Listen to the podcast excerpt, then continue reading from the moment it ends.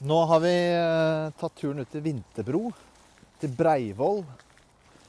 Hvor, eh, hvor det skal være en del eh, søppel å finne i fjæra. Det passer fint, fordi vi skal prøve å fortelle lytterne hvordan vi skal løse problemet med forsøpling her i, i havet. Så vi begynner her, rett og slett, i Breivoll. Is what is at stake. for en fremtid som er bærekraftig. The growing threat of climate change Det blir ikke noe grønt skifte av. Det er vår månelanding. With the global warming and that, a lot of it's a hoax. It's a hoax. and the damage that climate change is doing to our planet. Klimapodden en podkast om tolv miljøløsninger med Geir Ramnefjell og Bård Vegar Solhjell. Vi tok akkurat av veien nå. Går en bratt sti ned til sjøen. Vi er ved Bunnefjorden, nesten helt innerst i Oslofjorden, på en måte. Veldig smalt her. Og jeg ser ned her at det ligger ei strand, faktisk. Um, masse siv har vokst inn mot landet på den ene sida av stranda. Uh, og så har vi med oss en kar her. Fredrik Myhre, marinbiolog i, uh, jobber i uh, WWF. Veit du noe om hvorfor det samler seg eh, søppel akkurat her?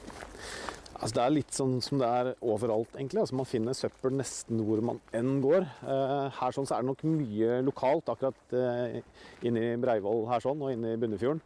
Hadde vi vært andre steder, så har vi fått eh, kanskje litt mer langveisfra. Men allikevel så er det ganske store mengder søppel som eh, man kommer til å finne her. Og spesielt mye av det som er av det minste, altså sånn type eh, noen få centimeter og mindre, som jeg forventer at vi finner her sånn. Og mye er nok eh, relatert, altså forbrukerrelatert til dette området her sånn. Ja, for du er jo, du er jo ute, Fredrik, du dykker, det vet jeg. Ser etter søppel Så eh, mye som mulig. under havet. Og så jobber du mye med å finne det på strender og andre steder. Og hvis du skulle liksom lage topp tre, eller bunntre, egentlig, hva, hvilken plastforsøpling er mest vanlig? Hva tar du da? Det aller vanligste tingene vi finner, er egentlig sånn uidentifisere, små, uidentifiserbare små plastbiter. Eh, De kommer vi til å finne en del av her også. Så det er mye taustumper, garnstumper, altså tauverk i plast. Og så er det korker og, og q-tips, eh, som kanskje også er blant de tingene vi finner mest av. Eh, spesielt i, langs norskekysten. da. Andre steder så kan det være andre ting. Eh, altså andre land kan det være andre ting. I Norge så er det nok disse tingene som er de, de fremtredende tingene vi finner på strendene. Og nesten uansett hvor vi er. Det med q-tips er veldig rart. Hvorfor havner så mange q-tips i sjøen, liksom? Ja, det spurte, man, eller spurte jeg meg selv om òg, og mange andre har stilt det samme spørsmålet. Eh, Men det kommer av eh, Det er jo meg som forbruker igjen. da. Og gjerne når vi er hjemme på vårt eget bad. Det er gjerne disse, eller bomullspinner, da, som det egentlig heter riktig. En en variant av det heter jo q-tips. Eh, Der står man og gjør det man gjør med bomullspinner, enten om man eh, renser ørene, eller om man driver med sminking eller andre ting. Og så når man er ferdig med den, så er det mange av oss som har da funnet at toalettet er en fin eh, avfallsbøtte. Er det folk som kaster q-tips i toalettet? Det, har- jeg tror aldri jeg i mitt liv har gjort det. Og ikke liksom fordi jeg er redd for, for søppelet, men kan jo ikke kaste det ned i doen. Det er helt utrolig. Men det fins jo også sånne eh, bomullspinner nå som er uten plast. Ja. Det er mange av de nå som kommer som er lagd av papp Ja. og papir, og det er topp. Men det skal heller ikke i, i do. Ikke sant? Det skal også i en avfallsbøtte. Ja, Men det er klart, den gjør ikke like mye skade når den kommer på avveie da, som disse bomullspinnene i, i plast. Og veldig mange tror at dette her blir tatt opp av, eh, altså av eh, renseanleggene eh, i kloakken. Og en del gjør jo det. Men så er det jo det at eh, en del av disse renseanleggene, spesielt nå med det våte klimaet som vi har begynt å få mer og mer grad, eh, det, fører jo da til at man får overløp, altså for mye vann inn på, på rensestasjonene. Sånn at mye av vannet går over i overløpsrørene, som da sender ting rett ut i havet. Og da får man eh, betydelige mengder med også da bomullspinner da, i plast ut på norske strender. De flyter over flaten, og det er faktisk da en av de tingene vi finner mest av i Norge, er bomullspinner. Men det er klart, eh, altså tauverk, garn og sånn, det er jo mye fra, sikkert fra båter og, og fangst og fiske. Men, liksom, men korker, altså Kaster folk bare korker om bord liksom når man tar en cola eller et eller annet på en båt? Eller hvordan havner korker? Jeg får tenke på, ja, men Gjør ikke de fleste det at de Hvis du har ei flaske, så kaster du korken i søpla og panter flaska. Men hvordan havner det der? Eller skru på korken og Nå ble jeg veldig Ja, Du måtte korrigere meg litt der. Nei. Det er greit. La Altså. det komme ut. Nei, nei. Det, Men det går an. Lederen i WWF vet ikke hvordan man skal gjøre av korkene. Du kan kaste det i plastsøpla, Geir. Det er helt streit. Mange av dere lyttere har nok sikkert lurt på hvor ble det av Vidar Helgesen. Det eh, skal vi gi svar på nå. Han sitter i UD og er norsk spesialrepresentant eh, for det internasjonale høynivåpanelet for bærekraftig havøkonomi. Og vi har han her hos oss i dag. Velkommen. Takk for det. Hva, hva, hva er det du gjør for noe der borte i UD nå? Eh, Jeg jobber for statsministeren, som leder et panel, altså en eh, komité av eh, stats- og regjeringssjefer, som eh, har tatt mål av seg å både fremme forslag om hvordan vi kan produsere mer fra havet, og hvordan vi kan ta bedre vare på havet. For vi trenger begge deler.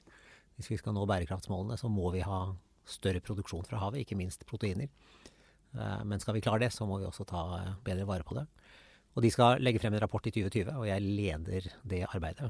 Erna leder panelet av eh, stats- og regjeringssjefer, men eh, noen må eh, drive den prosessen fremover, og det er min rolle. Mm. Hvert år så eh, forsvinner det åtte millioner tonn plast i havet. Hvordan skal man stoppe det? Eh, Ja, Det korte svaret er eh, slutte å kaste plast i havet. eh, og slutte å kaste plast i naturen, for det som eh, kastes også på land, land ender jo gjerne opp i havet. Og det man trenger da er infrastruktur. Man trenger avfallshåndteringssystemer. Vi trenger de posene som vi kaster plasten vår i. Um, og dette er først og fremst et problem i land som har hatt en veldig sterk økonomisk utvikling og forbruksvekst det siste, eh, de siste 10-15 årene. Det er jo da land som Kina, eh, Indonesia, Vietnam, India. Hvor det nå skjer mye, men hvor det skjer ting for sent. Um, og så har vi en jobb å gjøre her hjemme også, ikke minst når det gjelder mikroplast. Men, men den store utfordringen er å få på plass avfallssystemer i flere land. Mm.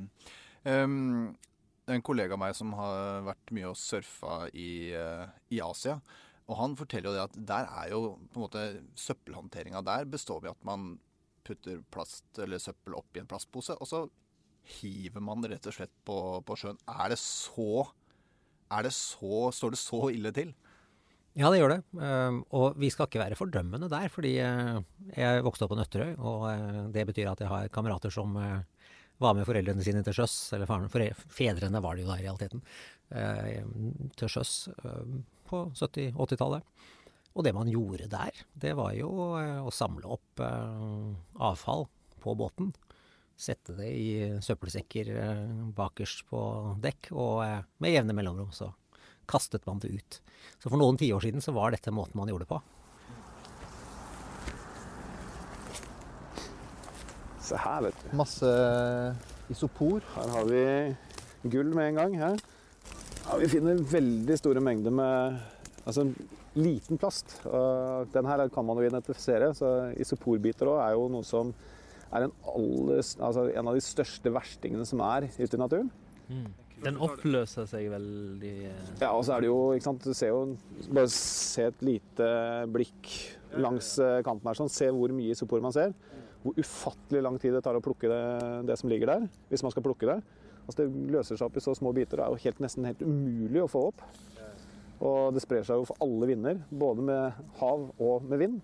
Så isopor er en versting, og den er vanskelig å gjøre noe med når den først har havna ute i naturen. Men fins det noen alternativer? Altså sånn, Folk som ser på eller hører på, vil jo tenke sånn Ja, ja, men vi trenger jo den isoporen for å holde garnene våre flytende eller til å ha flytebyggene. Fins det noen alternativer som man kan bruke istedenfor? Man kan jo bygge på togene altså de flyteelementene, i helt andre materialer enn en, spesielt isopor. Da. Altså man kan bruke det i hard, hardplast f.eks. En, med en teknologi som tåler vær og vind. Men også bruke en del metall f.eks. Eh, lukka containere med metall, de flyter godt. Eh, så at eh, man har en helt annen type teknologi tilgjengelig i dag. Og så er det jo også et stort marked for å kunne drive innovasjon der, sånn, da, for å gjøre det konkurransedyktig, f.eks. på pris og, og for, altså, bruk av materialer. Da. Mm. Men isopor det trenger vi i hvert fall ikke til den uh, type flyteelementer. Det, det blir slått i stykker over tid, og det havner rett ut på strendene, sånn som vi gjør det her. Det er veldig, Hvis du ser her oppe, det som er det høyeste vannet nå, da, så er det sånne bitte små partikler eller biter av isopor overalt. Da kan man bare grave, og du finner liksom lag på lag hele veien nedover. Så mye annen småplast, selvfølgelig.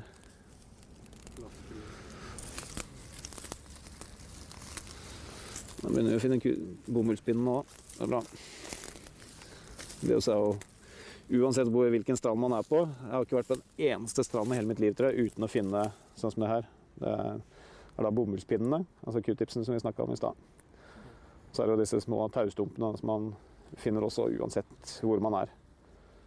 Det er altså sånne ting Når det fins en, en bomullspinnevariant av papp Hvorfor kan man ikke bare si nå har vi funnet opp en bomullspinne av papp, så dermed er det forbudt å lage bomullspinner av plast? Og det er akkurat det vi jobber for eh, i WWF, og veldig mange andre også. Altså, dette er noe som vi kaller, eh, kaller eh, Skal vi se Nå står det stille. Det er noe, som vi da kaller unødvendig engangsplast. Altså, er, eh, vi har produkter som er fullgode erstatninger allerede i dag. Eh, og dette er et plastprodukt vi ikke trenger i det hele tatt. Eh, og det kommer, vi bruker det bare noen få sekunder, og så ligger det ute i naturen i kanskje flere tiår, kanskje over 100 år. Og mest sannsynlig, kanskje, så blir den plasten her som aldri borte. Altså Den bryter opp i mindre og mindre biter. Og så får man eh, til slutt eh, mikroplast og den enda mindre nanoplasten, som så, altså plast som er så liten at vi ikke ser den engang. Men den mest sannsynlig vil den være der kanskje til eh, i all uoverskuelig fremtid. nå. Så på et eller annet måte så, så kommer du til å, å spise den uh, bomullspinnen som du har hatt i øret ditt. Det er ikke det vi kaster. Potensielt så vil man eh, kunne kanskje gjøre det, ja. Eh, altså når man får så liten plast Det er at man, advarsel. Ja, det er en advarsel. Når man får så liten plast at man eh, ikke klarer å finne den igjen, så kan det være at den er der likevel. Om ikke du, så i hvert fall barna eller barnebarna dine. Ja, du må spise de som du har. Og så spiser man en fisk som har fått i seg den her, men den har den ikke i magen sin lenger, for det er så små biter at man har faktisk lagra de plastbitene i kroppsvevet. For blir plasten liten nok, så kan den gå gjennom fordøyelsessystemet. Og så diffunderer den gjennom fordøyelsessystemet og inn i blodomløpet. Og så kan den vandre rundt i kroppen med blodet, og så lagres den et eller annet sted i, i kroppen, i kroppsvevet. Og man har jo sett på at til og med plast kan lagres i hjernevev hos fisk f.eks. Sånn at eh, den giftcocktailen som vi, alle går rundt med pga. plast, den vet vi lite om, og den trenger vi mer forskning på. Men vi må i hvert fall kutte ut disse unødvendige engangsproduktene som vi ikke trenger i dag. Og jo fortere, jo bedre. Og i hvert fall at vi klarer å få på plass et forbud i Norge innen i hvert fall 2022. burde være tidligere nok. Altså, et sånt eksempel på en ting jeg har fått nesten henge på, det er så det er sånne, sånne plastsugerør på juspakker som så er innpakka i plast rundt plastsugerøret. Og hva er meninga? Det så, og, det, og når jeg går i butikken, så er det fullt av sånne ting jeg på. Tenker på. Og så ofte er det så lette løsningene. Plasten rundt sixpackene. Om sommeren så tar mange med seg en sixpack ut i båten, så er det en stor plast rundt. Nå leste jeg nylig at i løpet av kort tid så har man allerede funnet en løsning med, tei, med liksom å lime seg sammen, som kan erstatte det. For mange av de tingene er det kjempeenkle, tilgjengelige løsninger hvis man først bare sier at nå er det stopp. Og jeg tenker også sånn eh, Den der scenen fra Cocktail hvor, han, hvor Tom Cruise sitter med den paraplyen i paraplydrinken. Og sånn, ja, 'Den som har funnet den, er millionær i dag.' Og det, det er jo litt sånn der også. Den som klarer å finne opp erstatninger for de engangsproduktene i plast som er i dag, det er jo masse penger å tjene på det. Uten å bli høres ut som cocktail fra 1980-tallet. Veldig rare referanser. Er det ikke det? Fantastisk. Eh, Vidar Helgesen, når man har sett på hvordan plastengasjementet har nærmest eksplodert i, i Norge, så kan man få inntrykk av at dette her er et felt hvor det er enkelt å mobilisere. Mens det på klimaområdet med CO2-utslipp er vanskeligere fordi det er mer sammensatt. Har du også den opplevelsen når du, når du jobber med dette, at dette er et enkelt problem å løse? Eh, Ja, det er et enkelt problem å få oppmerksomhet om, fordi plast er noe vi alle kjenner. Det er veldig synlig. Vi ser problemet på strendene våre og i havet. Eh, Og vi ser at det finnes løsninger. Eh, Mens klimaet klima er mye mer diffust. Når det gjelder havet, så er jo klimaendringer en større miljøutfordring. Det er et større problem for havet og for matfatet vårt enn plast. men det er altså ikke så synlig og ikke så lett å forstå hva man skal gjøre noe med. Mm. Men, men, hva er de største utfordringene når man skal eh, løse opp i plastproblemet? Jeg var inne på det med avfallshåndtering. Det er jo det som må til for å unngå at det havner i naturen. Men eh, vi kan også gjøre mye for å bruke mindre plast. Det er nå stadig flere initiativer for å forby og fase ut eh, engangsplast. Det gjelder sånn som sugerør og lokk til eh, papp, eh, kaffekopper og ja, ting vi er vant til å bruke i Kniver og gafler på skoleavslutninger og alt mulig. Um, og det der skjer det mye. Så skjer det en del når det gjelder å tenke alternativer til plast. Men det er ikke uten videre noen god løsning. Altså bioplast eller papirposer i stedet for plastposer, f.eks. For eksempel. Fordi papir produseres av trær, og når trær felles, så har det en klimaeffekt. Så for klimaet er det neppe bedre å bruke papirposer enn plastposer. Og bioplast har også uh, natur som utgangspunkt. Um, samtidig så er det sånn at bioplast også brytes ned. Uh, så når det havner i naturen, så tar det veldig lang tid før det blir til natur igjen. Og da er spørsmålet hva skjer på veien. Uh, så her er det ikke enkle spørsmål, og det betyr at det trengs mer forskning, det trengs mer utviklingsarbeid. Og det skjer veldig mye spennende. Jeg så senest i dag at Nestlé, eh, verdens største konsumvaregigant, de etablerer nå et eget forskningssenter for plast eh, og alternativer til plast. Mm. Eller de kaller det et forskningssenter for emballasje. Nettopp for å se hvordan de kan finne bedre løsninger, bruke mindre plast og finne gode alternativer. Mm. Trenger vi egentlig plast? Per i dag mener jeg at vi trenger plast eh, til veldig mange viktige eh, formål. Hvis vi ser rundt oss i dette studioet hvor vi sitter, den polstringen som skal unngå at vi får for mye lyd utenfra, den eh, er plast. Stolene vi sitter på er plast. Mikrofonene har plast. Dekselet for det har plast. Ja, det meste har egentlig plast i seg. Mye av det kan tas bort, men ikke alt. Og så er det ett veldig viktig klimatiltak som, hvor plast er veldig nyttig, og det er å unngå matsvinn. Eh, det er ikke all mat man trenger å pakke inn i plast. Men eh, hvis vi f.eks. tar vare på middagsrestene våre, så er plast et utrolig nyttig produkt. Og det er sånn at eh, emballasje, plastemballasje i dagligvarebutikkene også gjør at mat holder lenger. Og hvis matsvinn hadde vært et land, så ville det vært den tredje største utslipperen av klimagasser. Mm. Igjen fordi mat produseres fra, fra landarealer. Og jordbruk er den største avskogningsfaktoren globalt. Så derfor er matsvinn veldig viktig, og plast er veldig viktig mot matsvinn. I dag. Det kan komme alternativer, men i dag så er det riktig.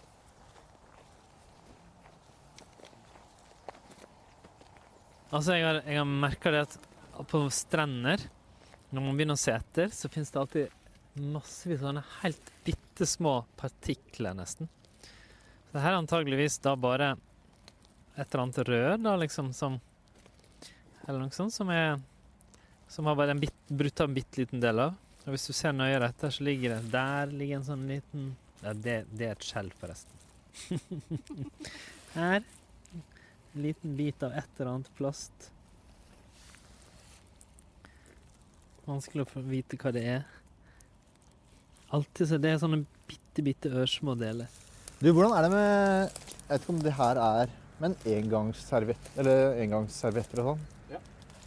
Er det samme Det er litt plast i altså De våtserviettene er, ja. er, det jo litt plast i, så de skal jo ikke ut i naturen. Nei. Bruker man vanlig papir, så greit nok. Det bryter jo ned ganske fort. Ja. Så våtservietter skal heller ikke i do? Våtservietter skal heller ikke i do, både for at det stopper doen, men også for at det klogger til renseanleggene og potensielt da havner på avvei ute i, ut i naturen. Det er veldig mange som eh, kanskje ikke tenker over at engangslinser også eh, er jo plast i. Og når man kaster det i do, så går det også ut i havet etter hvert, potensielt. Enten går det i renseanlegget, eller så går det overløp, og så går det ut i havet. Jeg løser det veldig greit. Jeg legger det bare alltid på nattbordet. Ja. Så ligger det bare der til all, til all, til all tid. Ja, for begge dere to, har, har dere noensinne kastet en linse i do? Ja, for mange år siden så, visst, så tenkte jeg ikke over det. Da gjorde jeg det. Jeg husker etter at jeg trente og sånn. Jeg, jeg bruker mest briller. Eh, og da husker jeg ofte slapp linsene ned i toalettet. Så er det, jo, det er jo lenge siden jeg visste at jeg ikke skulle gjøre det. Men, men, det er ikke så rart for meg å se for meg liksom at i hvert fall før alt oppmerksomheten om plast kom nå, At man fort kan ha gjort det. Uten at man tenkte at det var noe gærent. Ja, det tror jeg. Um, og det er nok òg andre produkter det er mange produkter, særlig de som er blandingsprodukter og sånn. Kanskje man ikke tenker på det, apropos våtservietter og sånn. At det her, er, her er det plasttauverk. Kan forestille meg på samme måte. Litt. Det blir sagt, uh, Vidar Helgesen, at uh, plast i havet vil Altså mengden plast i havet vil firedobles innen 2050 hvis ikke noe gjøres. Kan du garantere at uh, du klarer å stoppe dette? Nei, det kan jeg ikke garantere, men jeg kan eh, anslå det- kommer til å være i mange år til hvor plastmengden i havet kommer til å øke. Men eh, med den oppmerksomheten som er om dette internasjonalt nå, fra både regjeringer, eh, sivilsamfunn og ikke minst næringsliv, så tror jeg at vi kommer til å se løsninger som gjør at tilsiget av plast i havet kommer til å avta. Den prosessen kommer antagelig ikke til å begynne altså det, kommer ikke til å nå toppen på noen år ennå. Men jeg tror at uh, dette er et løsbart problem. Um, men uh, ja, det sies jo gjerne at i 2050 vil det være mer plast i havet enn fisk uh, hvis vi ikke gjør noe. Jeg håper at vi vil unngå det, men i 2030 kommer det til, ut fra samme scenario, å være ett kilo plast per tre kilo fisk. Og der tror jeg dessverre vi kommer til å komme før det bikker nedover igjen. Men nå har vi snakket mye om strukturene. Hva er det du og jeg kan gjøre for å stoppe plastforsøpling?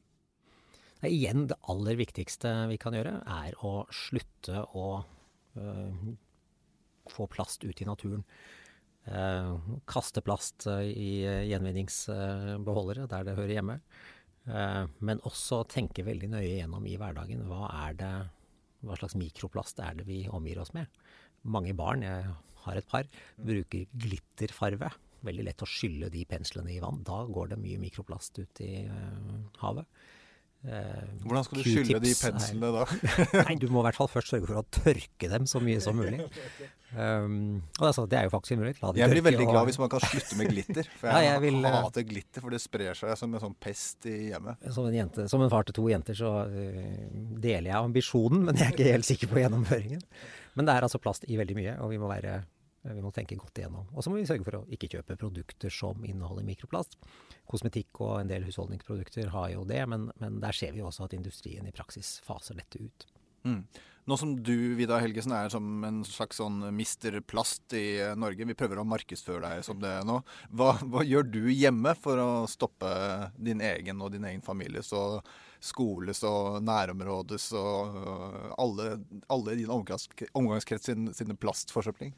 Nei, jeg prøver jo å ikke bli uh, altfor misjonerende, men jeg prøver å kommentere når det er relevant. Og så prøver jeg selv å ja, glitter, for å ta det som et eksempel. Jeg er veldig nøye på å tørke av i stedet og kaste det i søpla i stedet for å uh, skylle det av. Jeg um, um,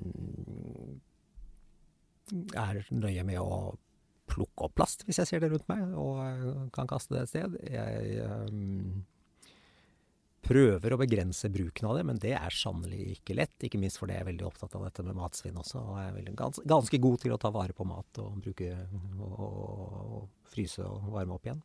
Og da er plast et fantastisk materiale. Um, men um, å tenke liksom, særlig når du er på badet og kjøkkenet, er det noe her som ikke skal havne ned i den sluken? Det er veldig viktig. Her er det jo masse ma Herregud, det er jo helt Mye sigarettsneiper, for å si det sånn. ja. Mm.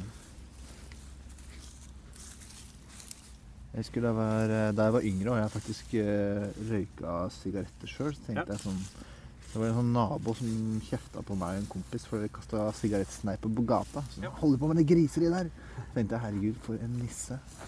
Men jeg tenkte ikke over det i det hele tatt. Ja, han hadde et poeng. Eller han hadde mange poeng, da. Går du i et bybilde, så er det kanskje det du ser aller mest av. Det er jo sigarettsneiper. Altså Sigarettsneiper er jo den plasten som eh, på verdensbasis også oftest kommer på avveie. Altså Hvis man tenker enkeltplast, eh, plast, da, som man klarer å identifisere. Og kan du tenke deg Hvis du går gjennom gata i en hvilken som helst by eller tettsted i Norge, så finner du jo sigarettsneiper overalt. Og som sagt, det, tar jo, altså det er jo 95% plast i et sånt filter. For Fordi om den er cellulosebasert og plantebasert, så er den satt sammen til eh, polymerer som er plast. Og den bruker jo da typisk alt fra 5 til 15 år på å bryte opp i så små biter at vi ikke finner den igjen. Men det som også er tilleggselementet her sånn i disse filtrene, er jo at det filteret har jo en funksjon. ikke sant? Det skal jo få bort mye av den driten som, altså giftstoffene som eh, vi ikke skal ha i oss. Det blir jo masse tjære og nikotin og sånne ting som lagres inni her sånn. Og de bitene her sånn, for det første så er det en veldig fin størrelse for fuglemat, f.eks. Altså til sjøfugl. Så lukter de spennende, for det er litt annen lukt enn eh, det de er vant til. Med alt, alle de giftstoffene som er inni. Så at det her er jo perfekt fuglemat for, eh, for mye sjøfugl. Når det tar så lang tid i tillegg da, til å forsvinne, så, så er sannsynligheten ganske overveiende stor for at en sånn eh, sneip da, går inn i magen på en sjøfugl. Men her er egentlig alle som bare vil ha ryddige gater, og alle som er mot røyking, og alle som jobber mot plast i havet, felles interesser. Ja. Det her er en ordentlig versting. For det er jo ikke så lenge siden det var vanlig praksis. Altså, jeg dykker jo mye, så jeg ser mye av det som ligger på havbunnen. Og det var jo vanlig praksis før at man satte ting ut på isen, gjerne de store tingene man ikke ville ha. Og så når våren kom, så gikk jo isen, og da havna det ned i havdypet. Og så tenkte man oi, nei, nå, nå ser jeg det ikke lenger, så nå er det ikke der. Nå er det ikke noe problem lenger. Og så fikk man det gjerne kanskje da i, i garnet sitt på, på sommeren når man skulle fiske på samme sted. Og veldig mange av de miljøsyndene som vi drev med på uh, i gamle tider, og som fremdeles egentlig gjør enkelte plasser også, dessverre, de finner vi igjen hav, på havbunnen. Og hvis vi ser, altså, Nå har vi jo gått og plukka litt her i strandsonen, uh, selv i en sånn liten beskytta vik. Men hvis vi ser på tallene globalt, hvor plasten havner hen, så vet vi at sånn, okay, ca. pluss-minus 5% havner på strendene her som vi har gått nå, av den plasten da, som havner ute i naturen. 1% ligger og driver rundt i vannmassene et eller annet sted der ute i, i den store, vide verden. Og så har vi hele 80-94% av all plasten som havner ute i havet hvert år, den havner ned på havbunnen. Så det er der den store massen er. Og det er klart, der er det kjempetidkrevende å først, først kartlegge den. Og det er veldig vanskelig. Så da ta høyde for at okay, over halvparten av verdenshavet som vi har eh, rundt omkring i verden, er dypere enn 3000 meter. Så sier det litt om liksom, skalaen på ting. Mm. Det er vanskelig å kartlegge den, det er vanskelig å og ikke minst da få den opp hvis vi også først har visst hvor den var hen. For det er veldig tidkrevende og dyrt. Så det aller billigste vi kan gjøre eh, for samfunnet og for naturen, det er å sørge for at plast ikke kommer på avveie i utgangspunktet. Fredrik, du vet, I mange, i mange sånne intervjuspalter så står det jo sånn Hva ville du gjort hvis du var statsminister en dag? Og sånn. Og Si nå at du ble statsminister en dag, så rekker du å gjøre tre ting den dagen.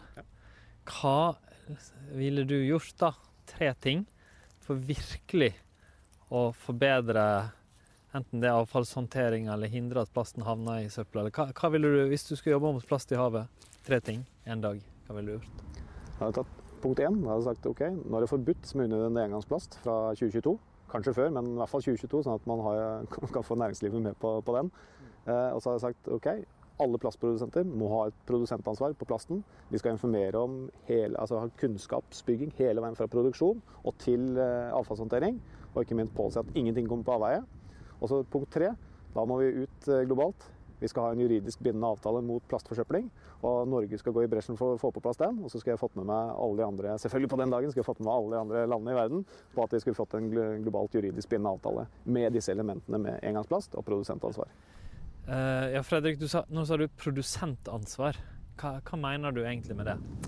Der mener jeg at uh, produsentene de må opplyse om for det første hva de produserer av plast, hva, de, altså hva, hva som er riktig bruk av plasten, og hva som er riktig avfallshåndtering av plasten etter at man er ferdig med den. Og så mener vi at eh, et eh, produsentansvar, så må også produsentene ha ansvar for å kunne gi informasjon om hva slags type skade eventuelt plast på avveie gjør for naturen, og gjør for eh, samfunnet økonomisk. Og så er det også den biten med at vi mener at produsentene i produsentansvaret bør også være med på å for dem de ikke har fulle og ene ansvaret, men i hvert fall være med på å ta en del av kaka når det gjelder det å få på plass avfallshåndtering, der det ikke finnes avfallshåndtering for det produktet de har lagd i dag. Sånn burde du slippe til en dag. ja, det er litt travel med ringing av Men talestatsleder. kan vi ikke ta det mellom eh, Solberg og Støre? Sånn, hvis vi... Man skal jo ha sånn en overraskende utvikling i norsk politikk. Vidar Helgesen, eh, vi har en fast post på slutten av dette programmet hvor vi egentlig pleier å spørre Bård Vegar Solhjell om eh, å rangere på en skala fra 1 til 12, hvor 1 er det minst viktige og 12 er det mest viktige, med tanke på å løse verdens eh, miljø- og klimaproblemer. Og siden Bård Vegar Solhjell er en opptatt mann som ofte er over alle hauger, og vi var så heldige å, å, å fange deg inne på studiet vårt i dag, så har vi lyst til å gi deg æren av å rangere da fra 1 til 12. Hvor viktig er det å få kontroll på plastforsøplingen som en del av klima- og miljøløsningen? Da er det selvsagt fristende å si tolv, men jeg tror jeg skal si eh, 9. Um, fordi eh, ja, det er veldig viktig, og det er mulig å gjøre noe med det. Men eh, det er faktisk ting som er enda større trusler mot livet i havet eh, enn plasten. Eh, og det er særlig klimaendringene. Eh, fordi de varmer opp havet, eh, og det endrer økosystemene i havet. Og det gjør det på en måte vi ikke engang kjenner. Vi, vi vet ikke konsekvensene. Du har havforsuring som gjør at korallrev, som er hjem til 25% av det som lever i havet, er truet. Så det er enorme konsekvenser uh, vi får av uh, klimaendringene. Og plast henger for så vidt også sammen med det, fordi når plast ikke håndteres på land, så er det ikke minst gjennom flom og ekstremvær som vi får mer av med klimaendringene, at det skylles ut i havet. Så her er det sammenhenger. Men for plast som sådan, stort problem, og noe som det er mulig å gjøre noe med. Og eh, absolutt i den øvre skalaen av, som, av, av den eh, skalaen din. Og så er det jo også kanskje en inspirasjon for folk, det at man ser at det er ting man klarer å løse. Ja, det tror jeg. Altså, det snakkes jo mye om at denne plasthvalen skapte en folkebevegelse. Men realiteten er at den folkebevegelsen var på gang lenge før det. Jeg tror kanskje det er den raskest voksende bevegelsen i Norge. Det er strandrydderne. Og det har vært over noen år. Jeg har vært med på en del sånne aksjoner, og det du opplever der er jo et fellesskap som, og, en samfølelse av å gjøre noe som er viktig og nyttig. samtidig som du gjør noe veldig konkret. Og så får du jo en veldig oppvåkning. Du kan jo sitte på ett sted på én strand, og du kan plukke i en halvtime, og det stopper ikke. Fordi det er så mye sånne mikroplastpartikler som er akkumulert over, over mange år, gjerne. Um, så det er en uh, folkebevegelse av handling, men det er også en folkebevegelse som skaper større bevissthet om uh, problemet. Tusen hjertelig takk, Vidar Helgelsen, for at du kom hit til oss, og lykke til med det viktige arbeidet ditt. Takk for det. Klimapodden er laget av Dagbladet med produsent Marie Røsland. Programleder er politisk redaktør Geir Emnefjell i Dagbladet, og ekspertkommentator er Bård Vegar Solhjell med faglig bidrag fra Ragnhild Vågård i WWF.